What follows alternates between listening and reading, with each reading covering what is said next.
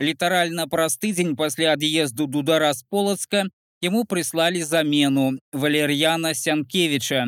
Да гэтага ён працаваў віцебску метадыстам арганізатарам быў сярод заснавальнікаў віцебскага краязнаўчага таварыства а таксама сябрам віцебскай філіі маладняка. У полацку яго чакалі пасады інспектара сацыяльнага выхавання і кіраўніка полацкай філіі маладняка Сянкевич вырашыў змяніць маладнякоўскую тактыку ў горадзе князя Усяслава Чарадзея.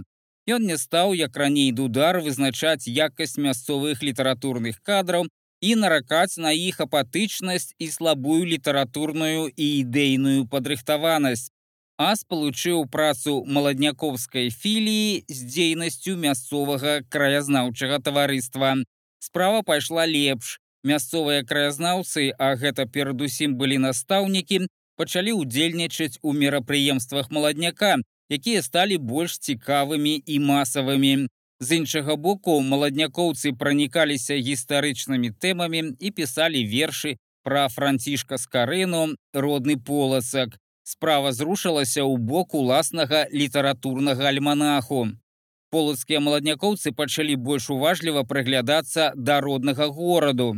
Найбольш іх абурала непавага да галоўнага архітэктурнага і гістарычнага помніка полацка Сафійскага сабору, які занепадаў з-за недагляду. Мясцовыя краязнаўцы і маладнякоўцы ўздымалі гэтае пытанне пры любой нагодзе.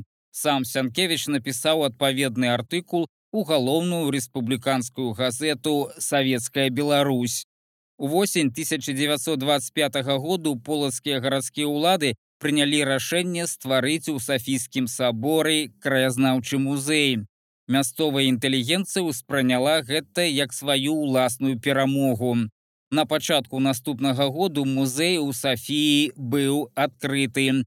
З нагоды падзеі ў полацак прыехаў алесь дудар.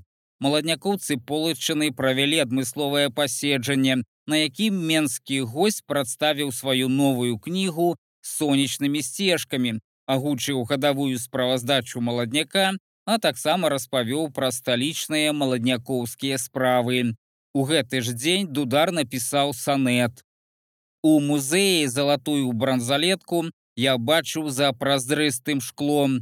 Яе пад старажытным курганом, пазелянеўшую знайшлі малыя дзеці і ў тыя дні раслі на полі кветкі і ланцужком сатканым з васількоў стары мастак прывычнаю рукой аздобіў залатую бранзалетку. Мастацкі дух ніколі не памрэ, не пахаваць яго пад курганамі, не вычарпаць гадамі і вякамі. Яму ў агні пякельным не згарэць, Ён вырвецца з багны разводдзям буйных рэк і загарыцца зноў бліскучымі агнямі. Гэты матэрыял кроква напісаў без замаўлення рэдактара. Праўда, у друк ён не пайшоў. Галоўныя барометры сацыяльнага клімату ў грамадстве чыноўнікі. Яны выключна адчуваюць усе перапады ціску ў калідорах улады, набліжэнне перад інфарктных сітуацый у эканоміцы, хваляванне ў грамадстве. Але менавіта такія неспакойныя і рэвалюцыйныя перыяды ў гісторыі любой краіны з'яўляюцца залатым часам для чыноўнікаў. Трэба толькі ўмець іх выкарыстаць. Апошнім пераломным перыядам у Беларусі быў 1994 год. Згадаем галавакружныя кар'еры шэрагу сённяшніх высокіх асоб, як кажуць у народзе з гразі ў князі. Уладу здабылі дробныя чыноўнікі, якія не пабаяліся рызыкаваць у час смуты і неспакою. У 1994 годзе ім не было чаго губляць, акрамя сваіх падзертых нагавіцаў, і яны сталіся рэвалюцыйнай класай. Праблемы ж пачаліся, калі гэтая класа дамаглася ўлады. Брак адукацыі, досведу, урэшце культуры хутка даў аб сабе знаць краіна неўзабаве ўвайшла ў паласу раздраю. Вышэйшая чыноўніцкая класа не магла дараваць гэтага нахабства сваім былым падначаленым. Да таго ж маладукаваныя пераможцы ўвайшлі ў канфлікт з творчай элітай. Паўсталі праблемы ў эканоміцы, культуры, нацыянальным пытанні, міжнародных дачыненнях. Новая рэвалюцыйная сітуацыя пачала няўхільна набліжацца. Тое, што працэс пайшоў, было заўважна па паводзінах чыноўнікаў. У апошнім нумары незалежнай газеты віцебскі кур'ер змешчана інтэрв'ю з начальнікам управлення па ўліку і размеркаванні жылля віцебска гарвыканкаму Віктором Сазона. Трэба сказаць, вельмі смелая і рызыкоўная гутарка. Вось што Сазон кажа ўвогуле пра беларускіх чыноўнікаў. Чыноўнік і баязлівец гэта сінонімы. Гэта бяда не асобнага чалавека, а ўсёй сістэмы, якая нараджае палахліўцаў. Паверце, кожны асобна часам цікавы чалавек, які мысліць разумна і смела. Але як толькі мяняецца яго асяроддзе і ён патрапляе на высокае пасяджэнне або ў начальніцкі кабінет, ён ператвараецца ў шэрую, бясколерную, безгаловую істоту. А вось што гаворыць віцебскі вертыкальшчык пра наше сённяшняе жыццё. Неверагодна, але мы і будаваць не ўмеем паставіць скалаціць свой дамок не можам нават не спрабавалі ўсё імкнемся пад нечы вялікі вялікі дах падлезці і не бачым што той дах даўно дзіравы а іншыя нашыя суседзі з другога берагу ўжо тое сёе пабудавалі і вынікі відавочныя добрыя вынікі не раўня нашим пражэктам у 100 даляраў Такім чынам можна ўжо канстатаваць, што гэтае жыццё дастала і чыноўнікаў. Яны саспелі для новых зменаў. Пытанне толькі на чый бок чыноўнікі стануць. Можа так здарыцца, што сённяшні кіраўнік краіны здолее другі раз перацягнуць іх у лагер сваіх прыхільнікаў. Замітуе змену курсу, паабяцае эканамічныя рэформы, сфармуе новую каманду, дазволіць чыноўнікам беспакарана нажывацца за кошт пасады.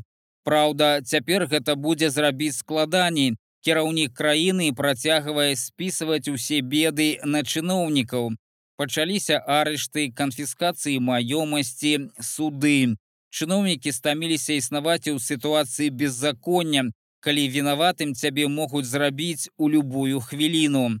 Праўда, не ўсе чыноўнікі гатовыя да змагання.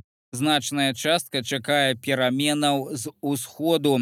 То спадзяецца на расійскую мілітарыскую ўладу, то на расійскі капітал, які прыйдзе ў Беларусь і навядзе свае парадкі. Але сорам прачнуўся ўва многіх. Вось якімі словамі заканчвае сваё інтэрв'ю Віктор Сазон. Не ўвесь час сорамна, Сорамна, калі зрэдку гляджу праграму беларускага або мясцовага тэлебачання. Сорамна, калі па дыяганалі знаёмлюся з дзяржаўнай прэсай. Прабачце, дэградацыя. Сорамна за сённяшняе ліслівае халуйства. Да таго ж гісторыя вучыць, што заўтра гэтыя ж людзі першымі утопчуць у гразь таго, хто сёння на троне. Пры першай сустрэчы пагаварыць з шаротам пра полацкія лёхі ў дудара не атрымалася. Доўгі час не было ні нагоды, ні пэўнага настрою. Чарот ўсё больш рабіўся чыноўнікам. Падоўгу быў у розных камандыроўках, пераважна ў Маскве. Шмат сілаў і часу забірала рэдагаванне галоўнай дзяржаўнай беларускай газеты Савецкая Беларусь. Ды і дудар сам паціху ўлазіў чыноўніцкі хамут, Па вяртанню ў Менск яго прызначылі кіраўніком менскай секцыі маладняка, затым стаў рэдагаваць аднайменны часопіс. Да таго ж алесь неўзабаве пачаў навучацца ва ўніверсітэце. Час ад часу ён згадваў пра сваё жаданне пагаварыць з шаротам на таемную тэму, пачынаў яго шукаць па ўсім менску, не знаходзіў і зноў забываўся пра гэтае жаданне на некалькі тыдняў. Нагода надарылася выпадкова. 7 лістапада на кватэры ў чарота адзначалі ягоны дзень народзінаў. Было чалавек 10, пісьменнікі, журналісты, дзяржаўныя дзеячы. Калі ўсе разышліся, дудар застаўся з чаротам сам насам. Міхась, даўно табе хацеў расказаць адну дзіўную гісторыю. Пачаў свой аповед алесь і ўсё падрабязна распавёў. Чарот, палячы другую запар цыгарету, уважліва выслухаў сябра. Табе нічога не прытрызнялася. Чароту захацелася перавесці пачутае ў жарт. Якое прытрызнялася, у мяне яшчэ шнар на руцэ застаўся, калі я ў тых лёхах бразнуўся. Дудар закасаў рукаву кашулі і паказаў невялікі чырвоны шнар. Якое прытрызнялася, я быў у тым падзямеллі, і яно нейкім чароўным чынам знікла. Дакладней знік уваход у яго. І што ты мне прапаноўваеш выправіцца з табой шукаць тое падзямелля? Не ведаю, нічога не прапаноўваю, хачу пачуць тваю параду. Мая парада наступная, забудь, прынамсі на гэты складаны палітычны час. Прыйдзе наш час і мы ўсё высветлім, усё там вывучым і абшукаем, але не сёння. А вось полацкіх русацяпаў трэба паставіць на месца і газету перавесці на беларускую мову. Я заўтра ж параю каму трэба, каб накіравалі ў полацак сакратаром акруговага камітэту КПБ Алеся Адамовича. На калініншчыне ён ужо парадак навёў, а мы са свайго боку накіруем туды ўзмоцнены маладнякоўскі дэсант. Як думаеш, каго? Было б добра алеся звонака і яшчэ валерыя маракова так і зробім у лютым 1926 году алеся адамовича прызначылі сакратаром полацкага акруговага камітэту кпб для чыноўнікаў старажытнага гораду надышлі цяжкія часы працэс беларусізацыі на берагах дзвяны пайшоў больш хуткімі тэмпамі У гэтым жа годзе газета полацкі пахар перайшла на беларускую мову і змяніла назву на чырвоная полачына. У 26 полацкая філія маладняка выдала свой першы літаратурны альманах надзвінне. Адмыслова для альманаху алесь дудар напісаў верш полацак. Неўзабаве ўпершыню ў старажытным горадзе ўрачыста адзначаць карынаўскае свята 400годдзя беларускага друку. У полацку тады працавалі адна польская, адна расейская, дзве габрэйскія і 10 беларускіх школаў. Як і абяцаў чарот у якасці журналіста ў чырвоную полачыну прыбыў адмысловы маладнякоўскі дэсант, які выканаў асноўную працу па пераводзе газеты на беларускую мову.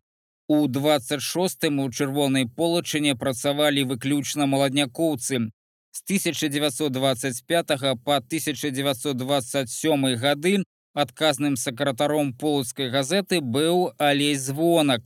Некаторыя маладнякоўцы працавалі ў чырвонай полачыне вахтавым метадам па некалькі месяцаў і за два наступныя гады на берагах дзвіны пабывала каля 10 маладых літаратараў з маладняка. Прыязджалі яны сюды да таго часу, пакуль на полачыне не падраслі свае кадры. Асноўным мясцовым кадрам стаў паэт Пятрусь Броўка, які ў 1927-1928 годах працаваў адказным сакратаром чырвонай полачыны, змяніўшы на гэтай пасадзе алеся звонака. Анатоль Тупіцын меў звычку ў пятніцу хадзіць у бібліятэку, якая месцілася ў раённым доме культуры і чытаць свежыя газеты. Гэтым разам ён крыху прыпазніўся і прыйшоў амаль за паўгадзіны да закрыцця. У бібліятэцы працавала ягоная былая вучаніца, таму ён асабліва не спяшаўся, але яму было няёмка яе затрымліваць, таму Анатоль папрасіў свежыя газеты ўзяць на вечар да хаты. Ніякіх пярэчанняў ён не пачуў, балазе неаднойчы браў да хаты свежыя перыёдыкі, перадусім часопісы. Павячэраўшы, Анатоль традыцыйна пачаў знаёміцца з друкам з савецкай Беларусі. Гэтая газета часта змяшчала матэрыялы Алеся Дудара, якія ён чытаў у першую чаргу.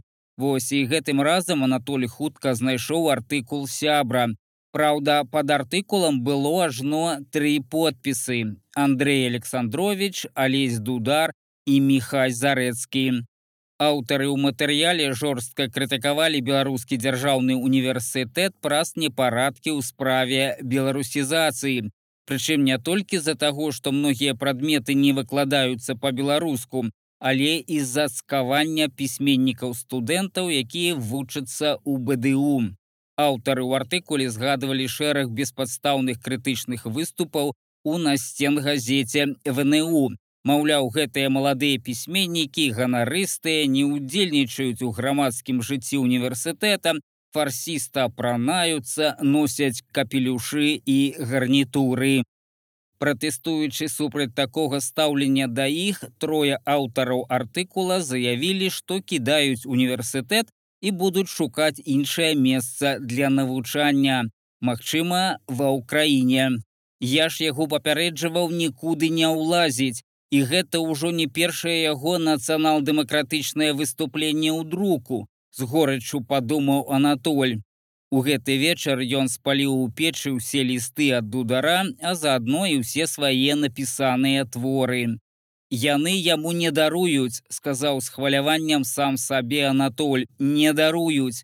Вось і мне трэба быць далей ад гэтай небяспечнай літаратурнай справы. Петруся броўку дудар сустрэў у рэдакцыі часопіса маладняк адказны сакратар чырвонай полачыны прывёз новыя творы для друку, але запрасіў госцяў буфет дома пісьменніка. За сняданням броўка расказаў апошнія весткі з полацка. Галоўнай навіной быў арышт Александра Семакова. Гэты пісака ўсіх падвёў пад манастыр, абураўся броўка. Разам з ім арыштавалі яшчэ некалькі настаўнікаў ягоных сябрукоў. І што ён такога зрабіў, спытаў дудар, хаця здагадваўся, што мог зрабіць сіма. Што што, паэму контррэвалюцыйную напісаў, трэцяя называецца. Усіх, у каго знайшлі перапісаную копію паэмы, арыштавалі. І што за паэма? Дудар і тут здагадваўся, пра што магла быць тая крамольная паэма, але мусіў неяк падтрымліваць размову заклікаў да трэцяй рэвалюцыі, якая вярнула па ранейшыя парадкі. Вось пра што разумееш, што яму свеціць. Дзіўна, што яго раней не забралі ў ГПУ. Відаць, легендарнае мінулае ратавала. Тудар наліў са штофу кілішкі сабе і госцю. Ну што, вып'ем за кастрычніцкую рэвалюцыю. За кастрычніцкую падтрымаў прапанову броўка, Прынамсі, у нас няма прэтэнзій да новых парадкаў. І ён нервова засмяяўся. Спадзяюся, у вас там не было праблем, сказаў дудар, кульнуўшы ў рот першы кілішак. Як не было, было, мы яго ж друкавалі ў нас у газеце, яшчэ ў пахары, усіх цягалі на допыты і рэдактара таксама. Трэба табе адтуль з'язджаць, пакуль цэлы. Вось і я пра гэта думаю, хачу сёлета паступаць ва ўніверсітэт. Усё, што мог, я зрабіў, жадаючых пераняць маё працоўнае месца дастаткова. Дудар зноў наліў кілішкі. Гарэлка яго не брала. Ён згадаў, што недзе месяц таму атрымаў ад сімакова ліст, які расійскі паэт даслаў у рэдакцыю маладняка. На пакамечаным аркушыку, які ляжаў каперце, было ўсяго два словы скоро встретимся. І толькі цяпер да дудара пачаў даходзіць злавесны сэнс гэтых слоў. Гэта не быў жарт або розыгрыш, як адразу падумаў кроква, атрымаўшы па электроннай пошце новае паведамленне ад палачаніна. Таемны эпісталярны знаёмы нарэшце напісаў, якім чынам Васіль можа трапіць у полацкія лёхі. Для экспедыцыі пад зямлю кроква абраў раніцу бліжэйшай нядзелі. Трэба было наладзіць падарожжа таемна, але ў светлы час сутак. Па словах палачаніна ўваход у лёхі знаходзіцца на стромкім схіле верхняга замка, які да самой рачулкі палата быў шчыльна зарослы кустоўем і дрэвамі. Кроква пасля паўгадзіны розшукаў поўзаючы па схіле, нарэшце знайшоў патрэбны сухі куст ляшчыны. Гэта быў нават не куст, а хутчэй корч. Кроква пацягнуў за яго, і дзверы ў лёхі адчыніліся. Дудар не жыў, а гарэў. Трэба было вучыцца ва ўніверсітэце, працаваць у часопісе і пісаць для газеты. а таксама не забываць пра вершы. Вершы ён складаў штодня. Дакладней для іх заставалася толькі ноч, а яшчэ трэба было мець час для сяброў і калегаў. На розныя афіцыйныя пасяджэнні, а таксама неафіцыйныя сустрэчы у буфеце дома пісьменніка або ў кагосьці на кватэры. А тут яшчэ дудар закахаўся ў паэтку Наталю вішнеўскую, якая неўзабаве стала яго жонкай і галава зусім пайшла кругам. Часу катастрафічна не хапала, але дудару падабалася такое сталічнае жыццё. Быць у гушчыні падзеяў, штодзень сустракацца і размаўляць з вядомымі людзьмі, пісьменнікамі, журналістамі, дзяржаўнымі дзеячамі. І яго можна сказаць яшчэ жоўтаротага юнца, тут у сталіцы ўсе ўспрымалі сур'ёзна, не так як у полацку, амаль як роўнага, як чалавек, ад якога штосьці залежыць, які шмат робіць для Беларусі. Урэшце рэшт, як дзяржаўнага чалавека. І дудар сапраўды пачынаў верыць, што ад яго штосьці залежыць у родным краі. Ён перыядычна ў друку выступаў з вострымі матэрыяламі на тэму культуры і нацыянальнага будаўніцтва по-ранейшаму змагаўся з чыноўнікамі русацяпамі. Затым уключыўся ў дыскусію пра нацыянальны тэатр. Даводзіў, што беларускі тэатр мусіць быць самабытным з уласным рэпертуарам, а не соўгацца па задох расійскай тэатральнай сцэны. З гэтай нагоды з сябрамі маладнякоўцамі напісаў адмысловы артыкул у абарону нацыянальнага тэатру. Разгарэўся чарговы скандал падпісантаў ліста пачалі цягаць па высокіх кабінетах і абвінавачваць у нацыянал-дэмакратызме. У газетах з'явіліся артыкулы, у якіх заклікалі даць па руках тэатральным рэнегатам і апартуністам. Дудар успрыняў цкаванне як унутраную барацьбу, якая тады набірала моцы паміж літаратурнымі і партыйнымі групоўкамі ў Беларусі здавацца або проста зацішыцца ён не збіраўся. Наступную балючую праблему ў нацыянальным будаўніцтве дудар і яго сябры бачылі ў нявырашаных пытаннях з вышэйшай адукацыі, якая па-ранейшаму не мела нацыянальнага зместу і не імкнулася да навучання па-беларуску. Таму губляўся сэнс беларускамоўнай пачатковай адукацыі, Так з'явіўся ліст трох з крытыкай беларускага дзяржаўнага універсітэту. Скандал разгарэўся яшчэ большы, чым пасля тэатральнай дыскусіі. Аўтараў у друку закляймілі як контррэволюцыянераў. Над дударом пачалі збірацца хмары. Ён адчуваў гэта, але спыніцца ўжо не мог. Святло ліхтара упала на сцены сутарэння. Падземны ход быў выкладзены з цэглы. Цяжка ўжо сказаць, якога колеру, бо каменныя бакі лёхаў і столь шчодра пакрываў слой зялёнага налёту. Нібыта яны мядзяныя і ад вільгаці пакрыліся пацінай. Але зялёнымі сцены выглядалі толькі на пачатку шляху, там, куды яшчэ час ад часу трапляла святло. Далей яны былі ўжо чорнымі, як быццам бы ў фотошопе прыбралі колер. Столь упрыгожвалі плямы ад сажы. Відаць, некалі тут хадзілі з паходнямі. У разрэзе падземны ход уяўляў сабой усечанае кола, бо падлога ўсё ж была роўнай, шырыня не сягала за метр. Лёхі вялі ў бок сафійскага сабору, але ў падзямелі цяжка арыентавацца. Лёхі маглі кудысьці адхінуцца, а заўважыць гэта было амаль немагчыма. Ты хочаш нас усіх падвесці пад манастыр. Міхаш шарот пачырванеў як рак. Дудар сядзеў у фатэлі ў рэдакцыйным кабінеце, глядзеў падлогу і нібыта сам сабе разважаў, не слухаючы рэдактара. У кабінеце больш нікога не было. Ты бачыў, якія прынеслі артыкулы з АПА. Чарот патрос над галавой некалькімі артыкуламі паперы. Ты чытаў, як цябе тут называюць. Чарот ад хвалявання папярхнуўся, таму ў слове называюць гук з аказаўся памножаны. і я не магу гэта не надрукаваць. Чарот ляснуў па стале паперамі. Чаго маўчыш? Ці ўпершыню такое? Чаго ты разышоўся, нарэшце азваўся дудар. Таму што не хачу губляць сябра і калегу, тым жа нервовым голасам адказаў чарот. Ты не разумееш, які можа быць іхны. Ён кіўнуў кудысьці ў левы бок наступны крок. Я разумею толькі адно. Абяцанай Беларусі мы так не дачакаемся, пакуль не будзем за яе змагацца.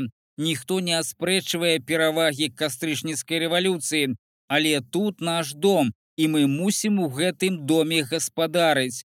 Інакш ніякай перспектывы ў нас не будзе. Ты гэта разумееш, Тут ужо дудар перайшоў на высокі нервовы тон размовы. Усё я разумею, але пакуль мы тут ёсць, існуюць нейкія надзеі і перспектывы. Калі нас тут не будзе, вось тады і знікне ўсё чыста. Ты гэта разумееш?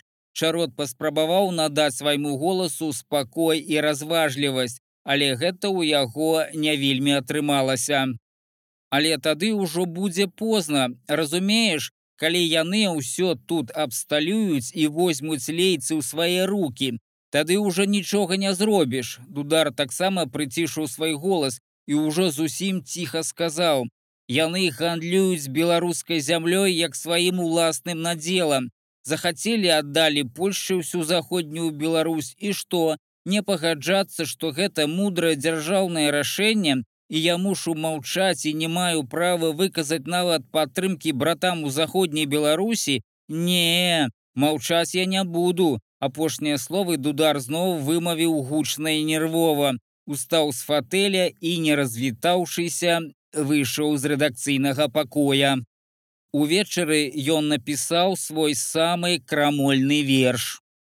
Пасеклі наш край папалам каб панскай вытаргаваць ласкі. Вось гэта вам а гэта нам. Няма сумлення ў душах рабскіх.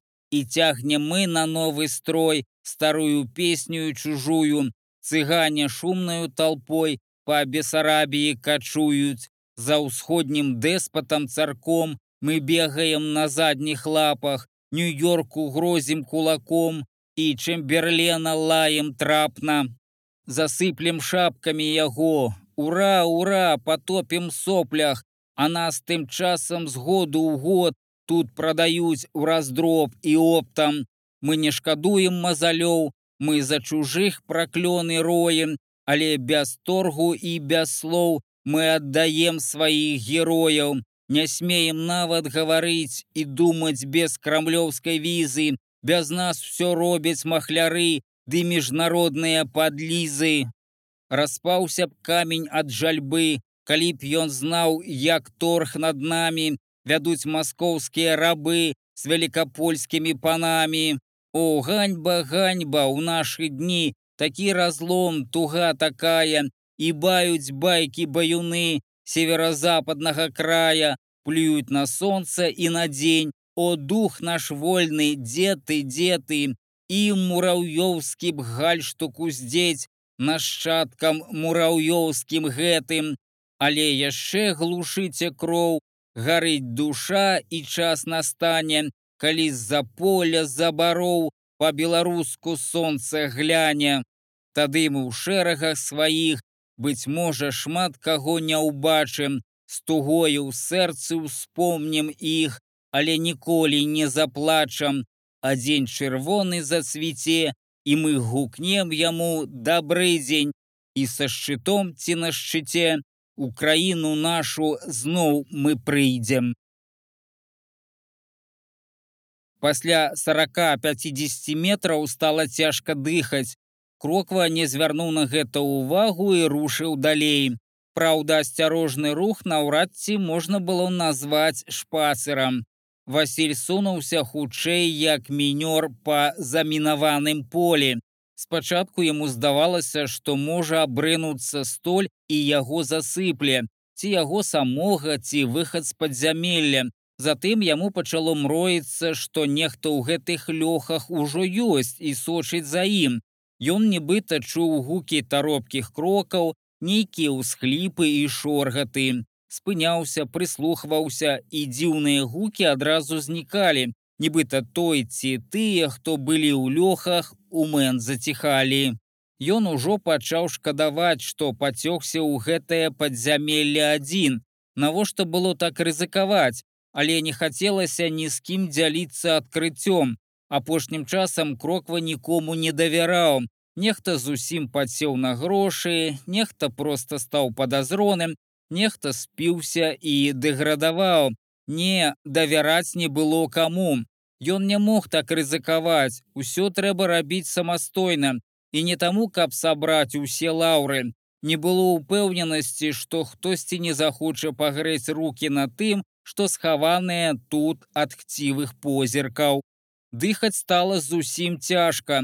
Васіль спыніўся і адчуў, як гулка тахкае сэрца ў грудзёх. Здаецца, яго стук разлятаўся па ўсім падзямеллі. Затым мужчыну хіснула і падалося, што сэрца спынілася. Як быццам быў тэлевізары раптам на экране з'явіліся перашкоды у суправаджэнні гучнага свісту. Гэты свіст імкліва нарастаў, і кроква адчуў, што траціць прытомнасць. Дудар трызніў. У турэмнай камеры было холодна, вельготна і смуродна. Паэт старанна захутваўся свой нядошлы палітончык, але ад холаду ён амаль не ратаваў. Варта было алесю толькі заплюшчыць вочы, як пачыналіся трызненні. Спачатку яму прымроіўся сімакоў, Ён сядзеў на лавачцы ля дамініканскага касцёлу, пасміхаўся і паліў самакрутку з газеты. Прычым былі выразна бачныя надрукаваныя тры словы на самаробнай цыгарцы. Александр Симаков, стихи. «Я ж тебе говорил, что мы вскоре встретимся», Картаво промовил Симаков и зайшоўся кашелем. «Я тебя предупреждал, ты мне не верил, вот мы и встретились, поэт. Сімакоў выцягнуў левую руку на захад і, звяртаючыся хутчэй да сонца, сказаў: « Только солнце ім не пад сілу парабаціць, і скора мы станем дзецьмі сонца. Сімакоў засмяяўся, відаць, яму спадабалася гэтае параўнанне, і ён яшчэ раз паўтарыў: « Да, конечно, мы будзем дзецьмі сонца. Устаў з лаўкі і як сам намбул пайшоў на захад у бок сонца. Затым дудару прытрызніўся чарот. Ён сядзеў у той самай вязніцы, што алесь. Яны нават аднойчы па недаглядзе канваіраў сустрэліся ў турэмным калідоры. Чарота было цяжка пазнаць. Ягоны твар заплыў ад пабояў і недасыпання. Відаць, я выглядаю не лепш, падумаў тады дудар. З турэмнай пагалоскі ён ведаў, што ў той самай вязніцы знаходзілася каля сотні беларускіх пісьменнікаў практычна ўсё сярэдняе і маладзейшае пакаленне беларускай літаратуры. Дудар заплюшчыў вочы, зноў занурыўся ў трызнення і пабачыў чарота. Ён сядзеў у сваім кабінеце, не за рэдактарскім сталом, а пасярод пакоя ў венскім крэсле. Ты ведаеш, мне спадабаўся твой верш. З непаўторнай чаротаўскай усмешкай на вуснах сказаў ён дудару. Які верш? Алесю, у прынцыпе, было ўсё роўна, які верш, і ён спытаў хутчэй па інерцыі на аўтамаце. Ну як які, той самы пасеклі край наш папалам. А ты не думаеш, што за гэты верш у турму трапіла ўся наша літаратура, сумам спытаў дудар. Ну, прынамсі, у яе цяпер ёсць апраўданне, за што пакутае. І чарот засмяяўся. Некалькі хвілін яны маўчалі. Шарот устаў, прайшоўся па пакоі ўзад уперад, зноў сеў у крэсла. Тады нахіліўся бок дудара і сказаў: « Няўжо ты думаеш, што за адзін верш могуць пасадзіць у турму всю нашу літаратуру. І гучна засмяяўся чаротаўскім аглушальным смехам. Заціх зноў нахіліўся да алеся, прамовіў: « А ведаеш, ты меў рацыю. Мы згубілі перспектыву, бо не вялі змагання. Зноў устаў з крэсла, падышоў да стала, взяў у руки пачак цыгарет, дастаў з яго цыгарету, прыпаліў ад запалкі, сеў на ранейшае месца. Дым ад цыгареты пачаў актыўна запаўняць пакой, і хутка абрысы чарота сталі ледзь бачнымі, а неўзабаве і зусім зніклі. Калі дым рассеяўся, дудар зразумеў, што ён у лесе. Восеньскае сонца яшчэ грэла, ягонае цяпло нібыта разлівалася па ўсім целе. Дудар выйшаў з верасовага сасновага бору на лясную дарогу. У які бок яму трэба ісці, ён не ведаў, таму павярнуўся тварам да сонца і пайшоў на захад. Вельмі хутка ён заўважыў наперадзе постаць, якую даганяў. Калі іх разлучала ўсяго метраў 5-6, дудар пазнаў яго. Гэта быў Анатоль Тупіцын. Ён ішоў з поўным кошыкам белых. Здароў будзіцель, з радасцю ў голасе павітаўся дудар. Тупіцын рэзка павярнуўся, ён неяк не чакаў, што нехта ідзе ўслед за ім. На ягоным твары чытаўся спалох. А, гэта ты, алесь. Анатоль, пабачыўшы сябра, адразу палагаднеў і ўжо роўным прыязным голасам сказаў: « А я нядаўна пра цябе згадаваў. І што згадаваў, што ты мяне запрашаў паступаць ва універсітэт, а я адмовіўся. І што шкадуеш? Не, не шкадую, упэўнена адказаў Натоль. У меня тут лес, грыбы, а у тебя ў сталіцы толькі звады і даносы. Будзіцель узняў кошык і паказаў дудару, колькі ён сёння назбіраў баравікоў. Ты ведаеш, я не паспеў табе расказаць адну дзіўную гісторыю. І пра што яна? Пра падземны ход у полацку, Я давяраў табе і павінен быў расказаць, Дык раскажы зараз. Сябры сышлі з дарогі і селі на цёплы мяккі мох. І дудар пачаў распавядаць усё ад самага пачатку, ад сустрэчы з дзедам у кабінеце рэдактара полацкай газеты. А ты ведаеш, у мяне нарадзіўся сын, выслухаўшы сябра, сказаў Натоль: Віншую, А хто твоя абранніца? А ты яе павінен памятаць, гэта валя, камсамолка, моя былая вучаніца, якая затым працавала бібліятэкарка ў нашым доме культуры. Добрая дзяўчына, віншую, дудар задумаўся і дадаў: Вось і я ўзяў шлюб, толькі штосьці мяне непакоіць, ці будзе ў нас шчасце. І яшчэ одна навіна. Па восені мяне пераводзяць выкладаць у полацкі петэхнікум. Хачу і бацькоў забраць з сабою полацак, абяцаюць кватэру. Не ведаю, ці мушу з гэтай нагоды цябе віншаваць, але добра, што ты пачуў гісторыю пра падземны ход. Сябры ўсталі і абняліся. Бывае натоль, бывае алесь. Кроква адчуў дотык чыёсьці далоні на сваім ілбе. Гэта яго абудзіла. Ён ляжаў на сырым пяску ў полацкіх лёхах. Ліхтар адкаціўся метры на тры, але па-ранейшаму свяціўся, дасылаючы прамень у адзін з бакоў падземнага ходу. У вушах гудзела, як пры пасадцы ў самалёце. Ён пазнаў яго адразу, хоць твар чалавека, які паклаў сваю далонь на яго лоб, амаль нельга было добра разглядзець. Гэта быў власт. Ну што, ачуняў, такім знаёмым голасам спытаў ластоўскі. Нібыта адказаў кроква, спрабуючы зрабіць нейкія рухі рукамі, але ў яго не атрымалася. Задаваць пытанне, адкуль узяўся власт у падземным ходзе было недарэчы. Таму Васіль спытаў зусім пра іншае. Дык сапраўды нельга вярнуцца. А ў які бок ты зараз пайшоў бы, каб вярнуцца? Пытаннем на пытанне адказаў власт. Не ведаю, так адразу не адкажу, шчыра прызнаўся кроква. Яму было цяжка дыхаць, і ён гаварыў зусім слабым голасам. А куды дзеліся тыя кадэты, якія пайшлі ў падземны ход і не вярнуліся. Кроква раптам згадаў дзіўную гісторыю, якую яму распавёў краязнаўца Михась. Ці ён сам захваляваўся, што можа не вярнуцца з гэтага падарожжа, ці проста тая гісторыя не давала яму спакою. Нікуды яны не зніклі, вырашылі з'ехаць у Амерыку прыдумалі такую гісторыю, што пойдуць у падземны ход і нібыта не вернуцца, а самі скіраваліся ў Петербург, наняліся на карабель матросамі, даплылі да Амерыкі і засталіся там жыць. Вось як. Кроква помаўчаў некалькі секундаў і расчаравана дадаў: Усе таямніцы аказваюцца банальным ашуканствам. Влас прыняў сваю далонь, якую трымаў увесь гэты час на лбе кроквы, раздумліва хмыкнуў і сказаў: « Ну чаму все? Вось ты ляжыш у падземных лёхах і ніякае гэта не шуканства. Але ў чым тут таямніца?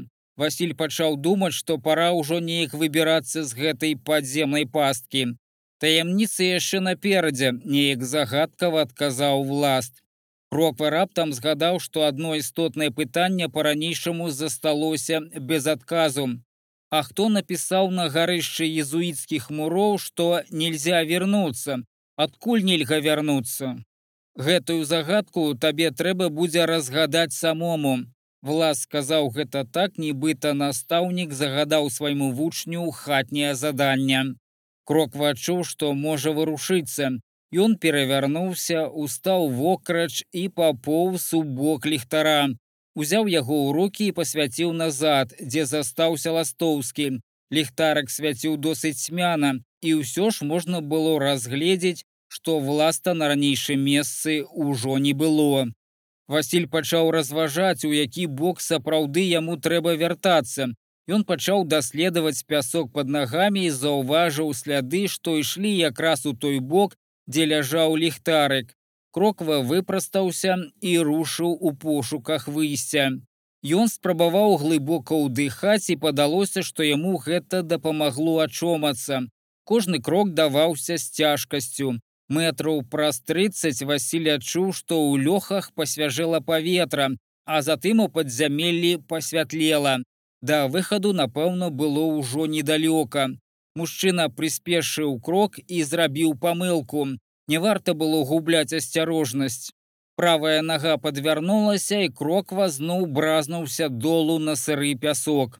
На гэты раз ён не страціў прытомнасць. Ён паспрабаваў устаць, але з першай спробы не атрымалася. Васіль стаў апірацца на мокрую слізкую цагляную сцяну. Калі ён амаль падняўся, правая рука адчула невялікую нішу. У кладцы не хапала цэглы. Далонь намацала нейкі металічны прадмет. Ён дастаў яго з нішы і пасвяціў ліхтарыкам.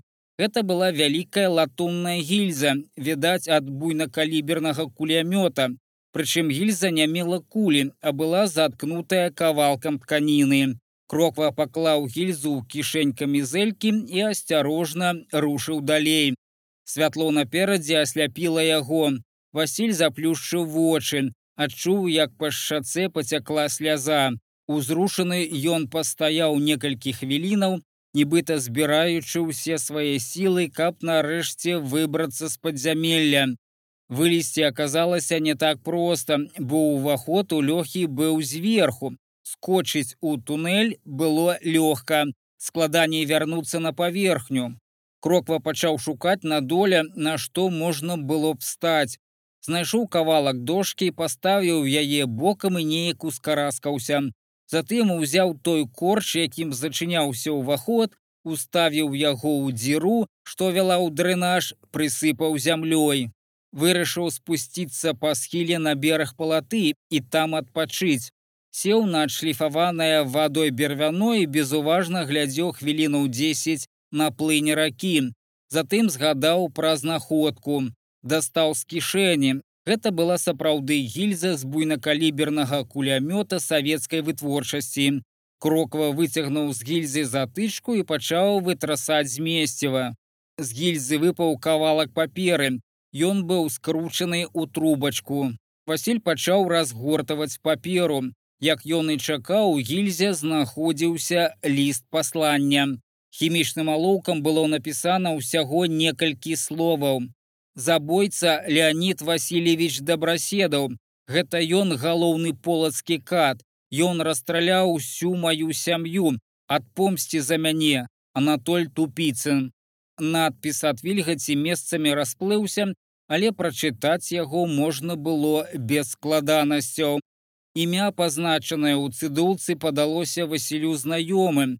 Леонид Васильевич Дабраседаў, паўтарыў ён для сябе ў голас. Ну як жа, ён ведаў яго. Гэта быў той самы легендарны камандзір партызанскага атрада за Сталіна, у якога кроква двойчы браў інтэрв'ю.